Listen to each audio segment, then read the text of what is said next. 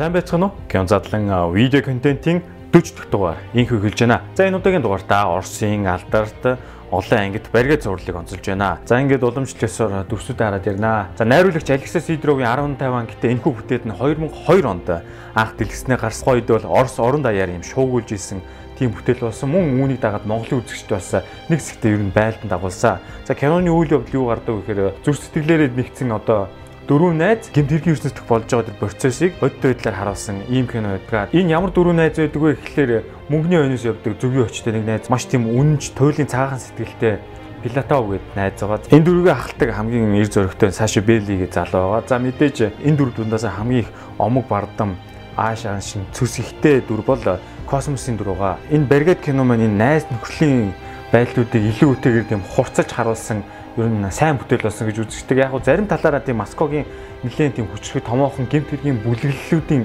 түүхийдийг ч гэсэн харуулсан байна гэсэн яриа бол зөндөө байдаг. За тэгээд Баргет кино гарснаас хойш энэ гол дүрийн дөрвөн залуу бол Орос орон даяар од бол ингээл за маш алдартай болсон. Тэгээд киноны продюсер найруулагч нар киног маш тийм амьд илүү дотн болгохын тулд дөрвөн залуу зураг авалт болохоос өмнө бүтэн сарын өмнө цогт нь амралтанд явуулаад жочтуудлын нэг өрөөнд баг чойшлох нь холгүй хамт амьдруулсан гэж байгаа. Ингэсний хүчинд энэ дөрвөн найзын нөхрөлийн тухай өгүүлэх кино маань хоорондоо энэ холбоотойгоор илүү дотн нөхрөлийг гаргах төхөн болсон гэж ярьж байсан. Энэ хүн бариад киног үзээгүй хүн бол маш авархан баха ялангуяа монголчууд. А ерөнхийдөө бол сайн хоёр талтай байгаа Яаж нэг ихлээр сайн тал нь гэх юм бол анд нөхдийн ихтгэл үнэмшил за тэгээд үнж байдал зэргийг бол нэлээд тод томрон сайн хамруулж байгаа. Гэхдээ үүн дундаа хитрхи их гэмтэргийн ертөнцийг харуулчаад идэг. За үүнээс болоод бас нэг таагүй зүйл болсон. Энэ яасан хэр киноны найруулагчийн хүү Леонид гэдэг нэг залуу байдаг. Тэр Бергет киноны улаан шүтэн бишрэгч болоод бүр кинонда гүн уусаж ороод сансар үеийн космосын дүрийг бүр илүү их шүтэж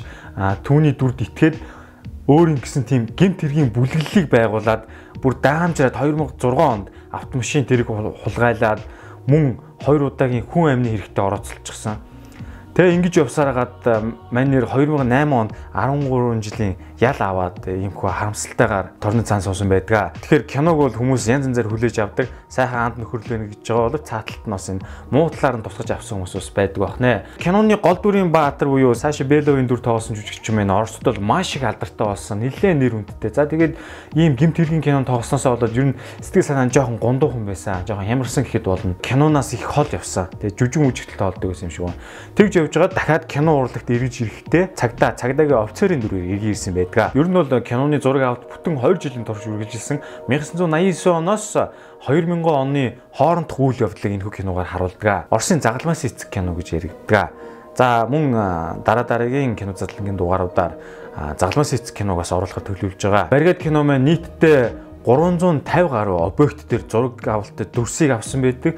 Энд дотор нь яг жинхэнэ бодитоор шорон орж байгаа. Тэгээ кремл орж байгаа. Төрийн дөмийн ордон, зах тийм хуучны тосгон энэ төргээд маш олон газруудыг аль болох бодит байдлаар жинхнэр нь оруулсан гэж байгаа. Студ доторын павильон зассан газар бол ерөөд их ховорхон. За мөн э, уг кинонд Mercedes-Benz S6 зүгсэн загварын машиныг жинхнээс нь онголтуулж шатаасан байгаа. За энэ талаар хоошоо нэлээд ярина. Кинонд маань 110 гаруй дүр гардаг. Энэ бол нэлээд том бүрэлдэхүүнтэй кино зураг авт болсон гэсэн үг. Тэгэд эдгээр энэ олон хүмүүсийг хувцлахын тулд 900 гаруй орчим костюм, хувцс хэрэглүүдийг бол захиалж хийлгсэн буюу кинонд ашиглажээ. За мөн Бригад кинонд байна 100-аас 150 орчим машинууд болсон. Энэ бол бас тоогоо алцсан машин байгаа. Оросын хуучны машинууд болон Европын сүүлийн загварын машинуудыг нэлээд хойлмог ашигласан байгаа. За жишээ Москвич 24, за Volvo Жигули Оросын машинуудаас гэвэл за барууны машинуудаас Mercedes-ийн нэлээд хэд хэдэн загвар байгаа. Бүр Lamborghini Jeep бас гарч байгаа. За тэгээд бидний монголчуудын сайн мэддэг Pajero машин гарч байгаа. Lincoln Continental гардаг, Lincoln Limousine гардаг. Мөн Hyundai-гийн машинууд, Chrysler Ferrari машинууд, Land Cruiser, Saab гэх мэтлэн за ер нь бол маш олон машинууд орсон байгаа. Баригад киног бол 1998 онд зураг авалтыг эхэлж хийсэн. Тэгэхэд яг тухайн цаг үед бол Орос оронд бол ийм дефолт зарлаад нэлээд хүнд байдалтай байсан. Улс орны эдийн засаг хямарсан ч юм уу, жоохон тийм дампуурлын үе байсан юм шиг байна. Тэгэхэд бол а киноны мөнгө санхүүг босгох гэдэг бол бас чанга ажил хийсэн гэж хэлээ. А найруулагч Алексей Сидров хожим ингээд яриа өгсөн байдаг. Тэр яриан дээр юу гэж хэлсэн бэхээр манер киноны нийт үйл явдлын 80% нь бол бодит үйл явдлаас сэтвэлсэн гэж байгаа. Одоо яг 20% нь бол уран зохиолын хэтрүүлэг. Киноны продюсер Антоли Сиошо гэж э, хүн болохоор Баргет киноны 15 ангийг бүр хид хідэн хэсгээр нь салгаад нэлээд хэдэн зохиолч төгсөн гэж байгаа. Уг зохиолыг нь бол Александр Мелинский гэж хүн ахалж. Мосфильм би одоо Оросын хамгийн том кино үйлдвэр байдаг. Энэ кино үйлдвэрийн найруулагч Александр Сидоровын өрөөнд бүгдийн сайхан оруулж байгаа. За та нарын зохиолыг бичгээ сайхан баг чойжлоод үлдээс нь холгүй юм шиг байгаамаа. Хожим ном гарсан. За энэ номын зохиогч нь бол Сергей Бело гэсэн нууц нэрээр хэвлүүлсэн байдаг. Энэ бол жинхэнэ нэр нь биш юм байна л да. За тэгээд үргэлжлэл энэ киног яагаад хийх болсон санаа сэтэл нь хаанаас гарсан бэ гэдгийг бас цугс дурдъя. Киноны анх санаагаа бол оройхоо гээд гимт хэргийн бүлэглээс авсан юм байна л. За энэ бүлэглэл нь бол одоо хүртэл ингээд сэм нууцаар оршин тогтнож байдаг гэж байгаа Орос дотроо. Тухайн үед 90-ад онд Оросд болж исэн тэр босромог зарим үйл явдлуудыг энэ мапаас санааг нэлээд авч оруулсан. 1980 онд анх энэ мап маань үүссэн юм байна. Сайшаа Белийн өндөрч гэсэн яг 80% нь бодит тухайн байсан хүнээс орж ирсэн гэж байгаа. За бодит хүн одоог бол Орехово Борисова гэдэг мафийн толгойлогчороо ажиллаад байдаг гэсэн тийм дам нууц яриа байдаг. Гэтэ энэ бол яг баттай биш Москва төвтэй ер нь бол дэлхийд даяар үйл ажиллагаа явуулдаг томоохон мапа гэж бас бичигдсэн мэдээллүүдийг уншсан. За тэгээд 2000 онд Путин ерөнхийлөгч гарч ирээд эдгээр мапуудыг дарж хаяараа нэлээд ширүүн хатуугаараар үзэлдсэн. А нэлээд багассан. Гэхдээ бас бүгдийн 100% нухчин дарж чадаагүй. Мерсеринтийн айн бүхтэй оршин тогтнол байд юм шиг байгаа. За мөн энэ Баргад киноны маань эсрэг талын дүрээр бидний сайн мэдих жүжигчин Андрей Панин гэж хүн байгаа. Тэрээр бол Баргет кинонд гарснаас хойш нэлээд алдартай болсон. Орос орон даяар бол дараа нь бол яг кинон дэр гардаг шиг олон удаа хэрцгийгээр зодуулж бусдын гарт ер нь бол харамсалтайгаар ертөнцийн мөнхөсийг үзүүлсэн. Түүнийг нас нөхцөн байдлаар гэрт нь олсон юм байл та. Тэгээд даргиндаа тийм хүн шархацсан шалдан дээр хөвцөн байдалтай байсан гэж хэлээ талигаж Андре Пайн болохоор 4 хоног хинч дуулдалгүй тийм таг чиг халаа болцсон юм байл да. Тэгээд найз нар нь хайж сурглаад байнд нь очиод хаалганд өгсөн ч юусэн хаалгад явахгүй огт тариу өгөхгүй байсан юм байл. За тэгээд цагдаагийнх нь бидэгдээд тухайн хүнийг иймэрхүү хорвогийн мөнгөс үзүүлсэн байдалтайгаар олжээ. За нэг иймэрхүү таагүй тохиолдол бас гарч ирсэн байна кинотой холбоотой. Энэ бол ганцаар тогтохгүй хэд хэдэн иймэрхүү бас кинод дагсан сөрөг үр дагаврууд бас нэлээд байсан юм лээ. За тэгээд киноны зураг авалтан дээр гардаг хэсэг тосгон гардгаа. Тэгээ шорон оронгийн хэсгүүч нэлээд бодтоор гардаг. Энэ дээр болохоор бас нэг бүлэг зодоонууд нэлээд эрт гардаг. Тэгэхээр энэ яасан бэхэр яг жихнээсээ тэр хоригдлууд дээр очиод киновагийн жүжигч зодоо байсан юм байна л да. Тэгээд энэ зодооны зураг авдаг нэлээд олон цагийн турш хоригдлууд нь бас нэлээд хүнд гарууд байж таарад хитрүүлээд э, зодтолчихсон баг. Тэгээд зарим жүжигчдийн хавирга нь хугараа, зарим жүжигчд нь эмнэлэг явах ч юм уу. Тиймэрхүү тохиолдол нэлээд гарч ирсэн гэж байгаа. Оросууд ч бас аа яа яа цөс ихтэй хүмүүс шүү. Гол дүрийн дөрвөн залуу юу тэдний нэг зөгийн очтой дүр маань бол энэ баригад кинонд тоглосноос хойш дахиж өөр кинонд ерөөсө тоглоагүй. Амьдралыг бол нэлээд шал өөрөөр хардаг болсон гэж ярьж байсан. Яагаад тэгэхээр уг дүр тоглодог жүжигчин Паул Макман өөрийнхөө тоглоснууд нэлээд дургүй юм бэлээ хид хідэн сондорч бас нэг тийм мэдээлэл гарч ирсэн. Оросын хүүхд залууч нэлээд муу үлгэр дуурайл үзүүлсэн гэж өөрөө ярьдсан билээ. Тухайн жүжигчд бол надд бол энэ нэр хүндийг алдар нэрийг авчирсан сайхан кино болсон. Гэхдээ Орос оронд бол энэ бол маш муугар нөлөөс. Энэ кино тоглосондоо би харамсдаг яагаад бол Орос орны өмнө би жоохон жүжигчний карьерийн хувьд нэг жоохон буруу зүйл хийсэн юм да гэж гівшингүү ярьжсэн. Олон залуучууд, олон хүүхдүүд энэ киног үзээд юм дээрэмчин буруу замаар авахыг хүсдэг болсон шүү дээ гэдэг харуулсангуу ярьжсаа. Яг миний бодлоор 2000-аад онд тэр хүмүүсийн кинон дээр гарч байгаа үйл явдлыг хүлээж авах ухамсар бассаа янз янз байсан юм шүү ба. Киноны аяг зохиосон бол яг кинон дээр бол нэлээд тусалсан тэр хөгжмийн дуу студ бичлэгийн зардал бол нэлээд өндөр гардаг. Энэ дээр нь хөнгөлдөг ч юм уу. Уг кино маань энэ баригад маань бол Оросын кино урлагийн түүхэнд хамгийн үнэтэй ихсэн олон анги киногаар шалгарсан юм байна. Зөвхөн нэг ангийг бүтээхэд 180 мянган ам доллароос 200 мянган ам долларын зардал гарч ирсэн гэсэн. 1.5 сая доллар буюу одоогийн Монголын хашаар 2.5 тэрбум төгрөгийг зарлагдсан байна. За тэгтээ бол э, монголчууд бас кино хийдэг болж яг иймэрхүү хэмжээний томоохон мөнгөн дүнг Монгол кинонууд зарцуулдаг болсон байна. За жишээ нь Fantastic Pardash-ны сүүлд гарч байгаа 37 дугаар тооч. За өмнөх бас ганц хоёр үд эдний хийсэн бүтээлүүд бол Tipumаас дээш төгрөгийн зардлаар бүтсэн инфо кинод болж байгаа. Баргадын нэг нь буюу нэгдүгээр энэ бүлэг гарсны дараа хоёрдугаар бүлгийг хийя гэсэн санал гарч ирсэн. Яг үл ихний цуврал маань маш амжилттай болоо хэдүүлээ хоёрдугаар анги хийгээд кино багийн продакшнууд нь гол дүрийн жүжигчин Сергей Безруко 1 сая долларын бүр цалин амлаад дахиад тоглооч гэж гуйсан гэсэн ч нэр шууд татгалцсан. Энэ киноны ихэнх жүжигчдээ энэ кино маань бас нэг тийм гой сэтгэл төрүүлэг юм шиг байгаа жоохон хар бараан дурсамж байт юм уу да. Энэ кино маань бас олон ч тийм сар зүсийг дагуулж байна да. За тэгээд уг Баргет кино маань жинхэнэ амьдрал дээр бодит амьдрал дээр тулгуурлан хэлсэн баг 80% нь үнэн бодит явдлаа гэж би түрүү дээр дуржсэн. Тийм учраас уг кинонд байна эерэг талын баатар гэж нэгэнж байхгүй. Кино хийж байгаа уран бүтээлчд маань цаад агуулга санаа нь юуг өгүүлгэсэн бэ гэхээр гимт хэргийн бүлэглэл гэж бол тийм сайхан зүйл биш ээ. Энэ бүхэн та бүхэн хэрвээ орж орооцолтож явах юм бол сайн зүйл дагуулахгүй. Яг тухайн цаг үедээ баян тансаг сайхан хангалуун амьдарч байгаа мэт харагдах боловч эц төгсөлт нь нэг нэг нэгэ хороогоод үхлийн муугаар үхдэг шүү. Энэ бол онцгой зүйл шүү гэдгийг харуулахыг зорьсон гэж тухайн сонь сэтгүүл дээр ярьсан байдаг. Гэсэн чинь эсрэгээр хөөрсөн. Кино гарсан даруйд гимт хэргийн бүлэглэл шинээр байгуулагдаж гимт хэргийн гаралт бол эрс нэмэгцэн гэж ярьж байсан. Тэгэхээр энэ хит идэвхжүүлэлтийн нөлөө бол гажуудл болдгоо гэж нэг тийм системтэйгээр сэтгэх гээд номон дээр бичсэн байд. Жишээ нь бол 1870-аад онд Кубад маш их харахтай байсан. За тэгээд харахыг устгахын тулд харах алж ирсэн хүнд шагнал өгөн шүү гэж тухайн засгийн газраас нь зарлж байсан. Тэгсэн чинь эсрээр шагнал мөнгө авахын тулд харахыг улам үржүүлээл байсан. Яг үүнтэй адилхан гемт хэргийг муу шүү гэж дарахын тулд ийм сэдвтэй кино байсан чинь энэ улам гемт хэргийг сэтэлжүүлээд өөгшүүлчихсэн гэж байгаа. Тэгэхээр энэ хит идэвхжүүлэлтийн нөлөө гэж бас л сайн бодохгүй бол уруу үр дагавар гардаг байх нэ. Энэ бол маркетингийн кейс бол маш их байдаг бизнесийн байгууллагууд. Тэгээд мөн 1990-ад онд ардчил гарч ирээд зөвлөлт холбоот устдад тархаа бодорхой болсон. За энэ үеэр бол ухаан цаг үедээ бол гемт хэргийн бүлэглүүд бол улс орны Орос орны тэр томоохон стратегийн ач холбогдолтой үйлдвэр завуудуудын тоног төхөөрөмжүүдийг салгаж задлаад энд тэнд тушааж зарж борлуулж ирсэн байлээ. Тэгээ энэ үйл явдлыг гэсэн баригад киноноор гаргадаг. Зарим хүмүүс ярьдаг юм билээ. Тэр ингэж мапуудын зарсан улс орны үйлдвэрүүдийн тоног төхөөрөмжүүд байхгүй болсноос болж Орос орн одоо ч гэсэн юм сэргэж чадахгүй баг зэргийн тийм эдийн засгийн сул дорой байгаад байгаамаа. Энэ бол Орос орн тийм баян тансаг байж чадахгүй байна. Мэдээж эрийг үүнтэй хамт хууль хүчнийхэн болон ойр авих нь бүгд ингээд зунгаарлалтад орооцолсон их заваа юм байдаг. Мөнгнөөс болоод нүдэж ухаад өгөхөд буцахгүй иймэрхүү бусраг мөнгө зүйлс маш их байдаг. Оросын энэ мап дотор. Тийм учраас Орос орны хөгжилт бол энэ бас томоохон чөтгөр тушаа болдгоо гэж зарим хүмүүс бичиж байсан. 1998 он 90 он 2000 он ихээр энэ кино зураг авалтыг хийж яхад а мөнгө санхүү нэлээд дутам гэсэн хангалттай бич байсан. Би дөрөв дээр дурцсан Оросын эдийн засаг бас илгээрээ газар э, мөлөгчсөн ер нь хүндэн цаг үе байсан гэж байгаа. Дээр нь ингээд уг кинонд 110 гаруй дүр Орсон гэж ярьж байсан.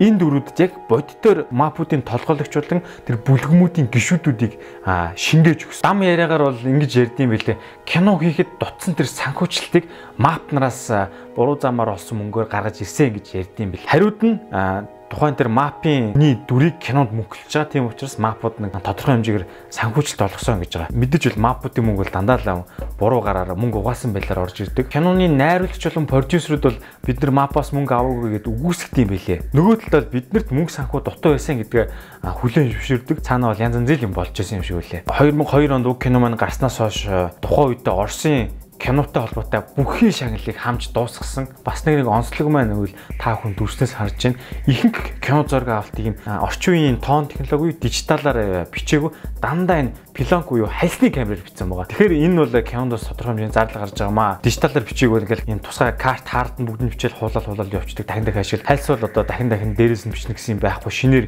олон дахин авдаг. Тэгээд тэр хэмжээгээр пилонкны зардал нэлээд гардаг гэсэн үг ээ. Баргет кино маань түүхэн цаг хугацааны хувьд бол мерсэр алдаанууд гардаг. За Төөх хэдэн жишнүүдийг авъя. Оросууд э, Афганистан улсад э, дайн хийсэн 80-ад онд 1989 оны 2 сар буюу өвөлд нь Афганистан улсаас бүх цэргүүдэд татаад гаргаад дуусгацсан байсан юм байл та. Тэгсэн чинь яг энэ Баргет кинон дээр 1989 оны намар хэд дайн ерөөсөө дуусаагүй цэргийн албан малд ингээл үргэлжлэл байж байгаа мэтэр гардаг. Энэ бол яг цаг хугацааны хувьд нэг жоохон гажуудалтай гэж ярьдсан юм лээ мэддэг хүмүүс нь бол 1993 оны үйл явдалтай хэсэг дээр тэр эмнэлэг мэмлэгтэй дээр бол ингээд хүн амьтныг эргээл за тэгээд унж явж байгаа машинууд нь Mercedes S600 гэх мэтчлэн загварын машинууд харагддаг. Гэсэн чинь яг бодит байдал дээр машины загвар нь 1995 оноос хойш үйлдвэрлэгдсэн гэж байгаа. Тэгэхээр энэ бол яг жижигхэн хөөрхөн алдаа. За мөн 1991 оны үйл явдал дээр ингээл зоосон мөнгө дэшээ шидэл гард юм байл да. Тэгсэн чинь яг тэрийг зогсоод гэрхай өлөн нүттэй эдэн нөхдүүд ингээд кино шүүмжлэгт анзаараад харсан чинь тэр зоосон мөнгө нь 1997 онд хийгдсэн Орос улбооны улсын тийм тэмдэгтэй мөнгө байсан гэж байгаа. За мөн Саша Белуман кинон дээр 95-ны үйл явдал дээр бидний Багдад тоглож ирсэн нөө Quick 2 гэдэг буутай нэг зомби буутай тоглоом гэж тэрийг тоглож байгаа дүрс гардаг. А бодит байдал дээр бол энэ тоглоом маань 1997 онд л анхан гарсан тоглоом юм байлээ. За тэгээд цааш нэрвэл машины алдаа зөндөө өө зураг авалтын баг хичнээн хичээж ажилласан ч гэсэн зарим зүйлсүүдийг орхитуулсан. Жишээ нь тэр өгөхөр зөвлөлт холбоод үүссэн үеийн машины дугаар нэг хэсэг гараад тэгээд нэг хэсэгт нь Оросын холбооны улсын үеийн машины сэр дугаар ингээ холилдоод гараад байдаг. Энэ бол цаг хугацааны үед яг жоохон өөр л үт юм лээ. За Бергет Гүрний найрлагч Алексей Сидровын бас нэг ярьж ирсэн мэдээллүүдийг олж уншлаа. Тэн дээр яаж ирсэн хэрэг. За яг энэ хойно дүрсэн дээр гарч байгаа Виктор Грасимович гэдэг энэ хүн бол яг жигнэсээ мап байсан хүн юм бэ. Мапын бүлэгмийн гишүүн байсан юм байна. За тэгээд тэр нөхөр бол ингээд шорон оронд орж байж байгаа шоронгоо сулгачныхаа дараа юу ихэ мэдгүй л завтай байсан юм байна. За тэгээд өмнө мапт байсан тэр зүйлсийг эргүүлж бодоод ин кино зохиол бичсэн юм байна л да. Ийм имгүүлж явуулчихсан. Ингээл ноорглоод баах юм бичсэн юм байна. За тэгээд энэ хүү өөрийнхөө амьдралаас бичсэн зохиолоо барьж яваад Москвад очиод мэрэгжлийн тэр Мосфильм кино найруулагч продюсерүүд үзүүлээд ингэгээр ингээд э, кино болгол ямараа гэсэн чинь тэднэрт нь таалагд түүний бичсэн гар нойргийг яг мэрэгжлийн хүмүүст өгөөд дээр ярьжсэн шиг зохиолч тухааж өгөөд ийхүү кино зохиол буюу скрипт болгон хөрвүүлж бичсэн байгаамаа. Баргээд кино хийхдээ эхлэн тавигджээ. Анхны санааг сэтгэлэн гаргасан энэ мапын бүлгэнд байсан гэж байгаа энэ Виктор Герасимович гэдэг хүн маань бол 7-оос 8 дугаар ангида бидний ярьдгаар бол 10 жилдээ хүмүүст аягүй их дээрлэхүүлээд зодуулаад байдаг юм байна л да. Хүнд Тэнгүүтээ би юу яхаар ингэж хүн зодолт ингээд каратегаар хичээлээд нэлээд сайн тамирчин болцсон юм байна. Гэсэн чинь 1990 онд бол энэ каратегийн спортоор амьдралаа залгах гэдэг нь үнэхээр хүнд байсан гэж байгаа. Ягаад гэвэл улс орон задарсан эдийн засгийн хямралтай үед бол спортын заамуулаар яваад цалин хүнлэгтэй болно гэж бол баг хотлаа байсан. Манер бол ингээд зодолтож чаддаг болсон. За тэгээд энэ давуу талаа ашиглаад чаашлаад гимт хэргийн бүлэглэл дээр очсон байна. Тэгээд түүний амьдрал дээр тохиолдсон зарим зүйлсүүд нь бол үнэхээр нь яг бодит баригад кинон дээр гардаг юм байна. Тэрээр гимт хэргийн бүлэглэлд очиод юу идэг байсан бэ гэхээр хүмүүс өөр авлагыг авч өгдөг мөнгөтэй бизнесмэнүүдийг дарамталж рекетэлдэг ч юм уу. Тиймэрхүү босормог зүйлд гараад дүрэн худгалдаж явжээ. А жижигхэн Сергей Безруков ярьсан байдаг. Тэрээр киноны төгсгөл ихнэр хүүхдээ авраад онгоцсон суулгаад цаашаа гадагшаа явуулдгаар гардаг. Гэхдээ үүний дараа өөрийнхөө амийг хорлоод өөрийгөө буудж байгаа а зураг авалт дүрсийг нь бол яалч явах авагдсан үүнийг Сергей Безруков жүжигчин бол маш сайн санд юм байна. Гисэн хэдийж киноны продюсер багийнхан энэ хэсэг кино дээр гаргаагүй. Яагаад гэж кино амжилттай болох юм байна. Дараа дараагийн ангиуд хадгалъя гэж үлдээд а тэр хэсгийг хасцсан юм байна. Төсөөллийн хэсэг зохиол өөрчлөгдсөн. За та бүхэн яг энэ ард дүрс дээр киноны бодит амьдралаа санаагаа авсан гэдэг энэ оройхоо гэд бүлэглэлийн толгойлог дээр очтой мапын толгойлогчийг харж байна. Энэ бол дээр одоог бол амьд бүлгэмээ удирдах гэж ярьсан. А тэгтээ 1994 он хавцаа яг өөрийнхөө Mercedes S600-ыг бенз машинтай явж байгаа дэлбэрээд үхсэн гэж ярьд. Үнэн хэрэг дээрээ бол үхээгүй өөрийнхөө оронд хүн орлуулад хүлчихсэн ч юм уу. Тэгээд гадаад гараад амьдаа явцсан гэж яригддсан юм. Ам дамцсан ярианаас нь сэдвлээд баригад кинон дээр бол Саши Бэлэ бол машинаа солиод бусдад үхсэн мэтээр харагдаг. Өөрөө бол их гэр бүлтэн амьд гардаг. Энэ хэсгийг бол кинон төсвөлтэй гардаг. Та бүхэн санаж байгаа. Буруу гарын аргаар мөнгө олж байгаа юм гимтэг бүлэглэлийн кино ч юм эднэр бол хийхдэд бас тийм амаргүй байдаг юм шиг дандаа нэг тийм жоо сөрөг зүйл дагаж яваад байдаг юм шиг санагдсан. Яасан гэхээр 2010 онд баригад 2 киноны зураг авах болсон. За тэгээ энэ дээр киноны зохиолч найруулагч хоёр хоорондоо нэлээд том түнжин хагарч муудалцсан. Киноны төсвөөс нь 100 сая гаруй рубль алга болоод хайшин юм шиг алдагдсан. 1000 рубль нь юу зарцуулсан мэдтгүү алга болчихсон. Гэх мэтлэн ийм байдлаас болоод кино зураг авалтын баг нэг нэгнээ хардаад шүүх дүртэл маргалж ирсэн ийм тохиолдол гарсан юм байна. Тэгээ та бүхэн дүрснээс харж чинь Москва хотод гол дөрвөн дөрвөн зар хуулзаад хоорондоо тангараг тавиад үрд найз хамт байхаа андгаалдаг нэг юм дүрс гардаг. Гэхдээ яг тэр ард талд нэг юм томоохон саглагар модыг та бүхэн харж байгаа. Энэ бол яг Москва хотын тэр Воробьё гэдэг толгодын орой дээр үүдэг юм мод байт юм байна л да. Тэгсэн чинь энэ 2019 он буюу 2 сарын өмнө нөхөө модыг дайраа хийсэн гэж байна. Энэ айгуу гой дурсгалтай мод байсан юм байна. Киноны хувьд. Тэгээ яагаад тарьсан бэ гэхээр одоо магадгүй тэнд нь зам талбай дэд үтс барилга барилга барих гал тэгэл тайрсан хийсэн баг л та. За ингээд үргэлжлээ та бүхэнд гол дөрөв жүжигчин Сергей Безроковын талаар нэг цогц дурдээ. Тэрээр бол Орос улсын зүрх болсон үнд төв болсон Санкт Петербург хотод төрсөн. За эндхийн театрын их сургуулийг дүүргэж төгссөн. Маш гоё сонгодог тийм түүхэн жүжигүүдэд гол дүрүүдийг бүтээсэн. Нилээн авиаслаг жүжигчин юм байна. За мөн Саша Белевийн эхнэрийн дүр тоглодог Олиогийн дүрд бол Екатерина Гусева гэж хүн тоглосон. За энэ Гусева гэдэг нь бичгтээ ингэж хүчээд дуудах. Арай өөрөөр дууддсан билээ шүү. Би бас яг тийм Орос хэлнийх нь яг нарийн ширийн ширийн сайн мэдэхгүй байна. За тэгээд энэ бүсгүй бол Кион тоглосныхаа дараа мөн л алдартай болсон. Тэгээд Орос дэдэг ирчүүдийн нэмэх 18 хамгал сэтгүүлүүд ер нь зураг авахгүйсэн юм билэ. Одоо ч ихсэн Орос орны хамгийн сайхан бүсгүүчүүдийн тоондоо 109-оор Оросоор байдаг үзэсгэлэнтэй бүсгүй байх нэ. Сергей Безруков жүжигчин маань Оросын холбооны улсын ардын жүжигчин цол тэмдгээ ерөнхийлөгч Путинээс гардаж авсан та хүн зургийг харж байна. Путиний хувьд бол Безруков түүний хамгийн дуртай жүжигчдийн нэг гэж Путин өөрт нэлжсэн би бол чиний топ фэн шүү гэж ярьжсэн гэж байгаа. Оросын холбооны улсын ардын жүжигчин маань Москвагийн Губринский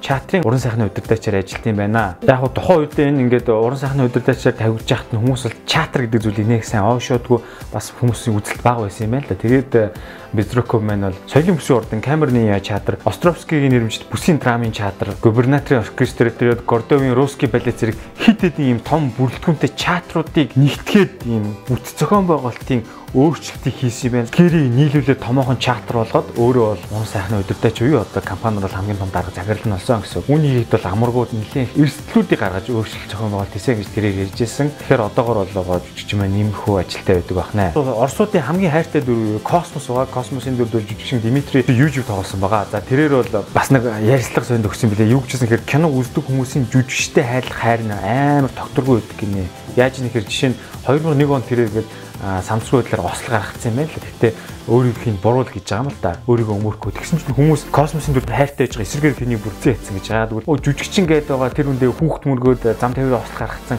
Баригд киноны дээрэмчингийн дүр бол яг л энэ хэвээр үлдсэн байна. Угаасаа л амьдрал дээр ийм л дээрэмч юм байж гэх мэт дээр айгүй их буруутгаж ирсэн гэсэн. Тэгэхээр бол Димитри юу жүжигч юм байна. Миний хувийн амьдрал болон тайсан дээр тэлгэцэн жүжиглэлт хоёр хоёр шал ондоо зөөшүүдээ гэдэг хүмүүс юу ч ойлгохгүй нэ ялгаж салахгүй нэ гэж жоохон тэгж гомдонгоо ярьж ирсэн юм билээ. За энэхүү баригд гинүү гарсны дараа космосын дөрвийн жүжигчин Дмитрий Южвийн алдар нэр Орос орон даяар төгсөө. Аа маш олон үзэгчдийн сэтгэлийг байлдан дагуулсан. Ихэнх хүмүүс ихэнх үзэгчид уг жүжигчдийн маань ямар хэцүү хувь тавиланг туусан талаар ерөөсөө юу ч мэддгүй юм билээ. Тэрээр бол 18 настай хахад нь түүний охин дүүн ингээд тэнгэр тайлаад өвчний улмаас өөд болчихсон. Хүнийг нь дагаад түүний аав шаналж байгаад баригд гинүүд лэгснээ гарахаас хэдхэн сарын өмнө бас ингээд амиа юу итгэцсэн бэлээ. Тийм мэтчлийн юм дараалсан хүнд зөөдөө өөртөө тохиолж ирсэн билээ. За тэгээд урлагийн сургуульд сурж байхдаа ирээдүйн хүүж Димитри жүжигч маань өөрийгөө бусдад харьцуулдаг юм нэлээ их чамлаад гутраад сургуулаа хайжсэн тэгээд дэлгүр төртлийн худалдагчийн ажил хийжсэн байна. Бас нэг ингээд сонирхолтой жүжигчин Том Хэнксийн дандаа нэг юм survival юм юмнаас амьд гарч байгаа ганцаараа үлдсэн тийм үг кинод болдог. Тэрний нэг кино болох нь Castaway гэдэг онгоцны ослоос ганцаараа амьд үлдээд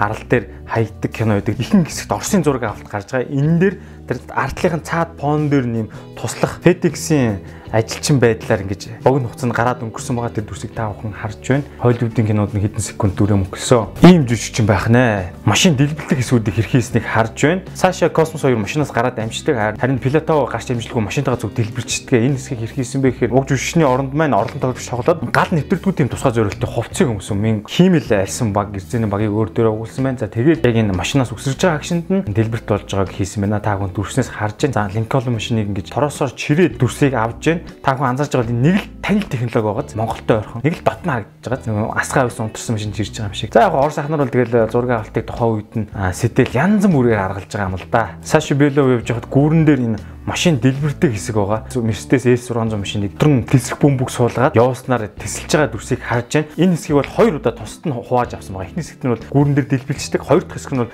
гүүрийг мөргөөд хашлаг даван гол руу унжгаа хэсэг байдаг. За тэгээд эхний тэслэгийн дараа бол машин эвдэр сүйдсэн байгаа мэдээж хэрэг. Тэгээд үүнийг энэ техникийн ажилтнаар засаж гагнаад сэлбэд бүтэн болгоод хоёр дахь удаа энэ хүү дэлбэлж байна. Кино эвлүүлгийн хэсэг дээр гүүрэн дээр явж байгаа дэлбэрлэн унжгаа хэсэг монтажлснаар энэ маань нэг юм цогц дүрс болж гарч байгаамаа. Эсрэг талын дүр буюу жүжигчин Андре Панини буудуулж байгаа дүрсийг хэрхэн авч байгааг харж байгаа түүнд бол зориултын нөгөө нэг цус шахсан хантаазыг өмсгөж байгаа уламжлалааргаад дотроо жижигхэн дартай байдаг учраас яг буудах гашинд нь ингээд хувцсыг нэвтэлж цус үсэж байгаа байдлаар яг гарч харагддаг. Тэр хар өчний цаан зориултын мэрэгжлийн тэсэлгээний багийг ажиллаж байгаа. Тэгээ самсуу тохиолдолд зарим зураг үзэгдэл төр цус усрах тэсэлгээний бодисуудад ажиллаагүй гацсан тохиолдол гардаг. Тэр хэсгийг та бүхэн харж байна. Оросын кино зураг авалтын багаас нэг авууштай ганц сайхан юм бол зураг авалтны план төлөвлөлтөө юу вэ? Планыг бол маш гайхалтай тавьдаг. Одоо чинь энэ нэг үзэгдэл харагдчихлаа байна л да. Энэ Оросын тусгайгийн ажилтны зүйг доош нь хэвтүүлсэн байдаг да. Тэгсэн чинь буутайгаа тусгайгийн ажилтнаас камер доошоо гүлээ. Тэгсэн дэр дүрсийн дагуу гүүж яваад цэм мөчтөө очих цаанаас нь дахиад сааши бэлэг өдрийг баримтлаар гарч иж байгаа дүрс мөрчлэн дүрсний шилж тоорондын уялдаа холбоог бол үнэхээр сайн тавьж байгаа. Яг тухайн үеийн камер хэсэл сайн биш байсан байж болно, гэрэлтүүлэг муу байсан байж болно тий. А гэхдээ ерөнхийн камерын хөдөлгөөн энэ дүрс шилжтүүд бол үнэхээр сайн байсан. Баригад кинон дэр бол гол дүрийн дүрийн хоёр найз нь ингээд бусдын гарт хорлогдсон энэ үед нь Саша Белов хамт байсан үеүдээ иргэн дурсаж байгаа үе киноны хамгийн гонигтай хэсгүүдийн дүрсийг та бүхэн харж байна. За мөн бас миний хамгийн дуртай нэг планууд бол энэ нэг нөгөө талын хүмүүсийнхээ барааг нь тээшний богоноос хулгайлцдаг хэсэг гардаг. Тэгсэн чинь энэ дээр маш өргөн өнцгийн дурангаар маш том каранаар ингэж алсын таталт хийсэн ийм дүрс гарч байна л та. Тэгээ энэ 270 градус шахуу эргэлдээд яг тэр нөгөө дөрвөн найз дээр ирж байгаа энэ кадр бол бас яг үнэхээр гоё сцен тавилт байсан. За тэгээд Оросын зураглаач нар бол үнэхээр чадвартай байдаг. Тухайн үед киног маань ингээд тальсны камераар хийжсэн учраас компьютер графикаар энэ жижигхэн ойлтуудыг бол арилгах боломж байхгүйсэн байж магадгүй. Хаалганы дүрс машины цонхон дээр ойж байгаа эдгээр дүрсүүдийг бол кино урлагийн үед л жоохон бүдүүлэг гэж үздэг. Зураг авалтын баг болон зурлаач нь өөрсдөө гарчсан байдаг. Гэхдээ Орос ахнар бол за явахтай одоо тэгээд үзэгч нэгтэр бол анзаараад байхгүй болов хэмээн бодоод тэр жигт нь явуулсан байж байх талтай. Энэхүү барьгаа тэмээх олон ангитай кино минь хүн бүртэл өөр өөр дурсамж, өөр өөр сургамж, өөр өөр мэдрэмжийг үлдээсэн байх нь гарцаагүй одоо яг хөө энэхүү дугаарыг үзээд хүмүүс комментээр өөрийнхөө бодлыг янз янзаар л хэлэх байх. Уг киноны агуулга гэвэл маш тодорхой. Ямар ч хэцүү галсан зовлон, баяр жаргалын ард үн цэнтэй тийм нандин хэвээрээ байдаг анд нөхдийн нөхрөл байдаг юм шүү гэдгийг бол тод харуулсан. Энэ бол киноны гол жанжин шугаммаа. Кино задлан видео контентын 40 дугаар энэ түрээд өндөрлж байна. Энэхүү дугаарыг бүтээхэд гар бие оролцсон орс хэл дээр материалууд уншихад нэлээд тусалсан зол жаргалтай баярлалаа. Таалагдсан бол манаас үгийг subscribe дараарай. Тэр хажуудлын хонхон дээр дарчдаг юмгүй шүү. А бусдаас арай төрүүлж мэдээллийг авна гэсэн үг. За мөн та бүхэн сошиал орчинд шеэрлэж найз нөхдөд түгээгээрэй. Ингээд дараагийн дугаараар уулзлаа. Түр баяртай.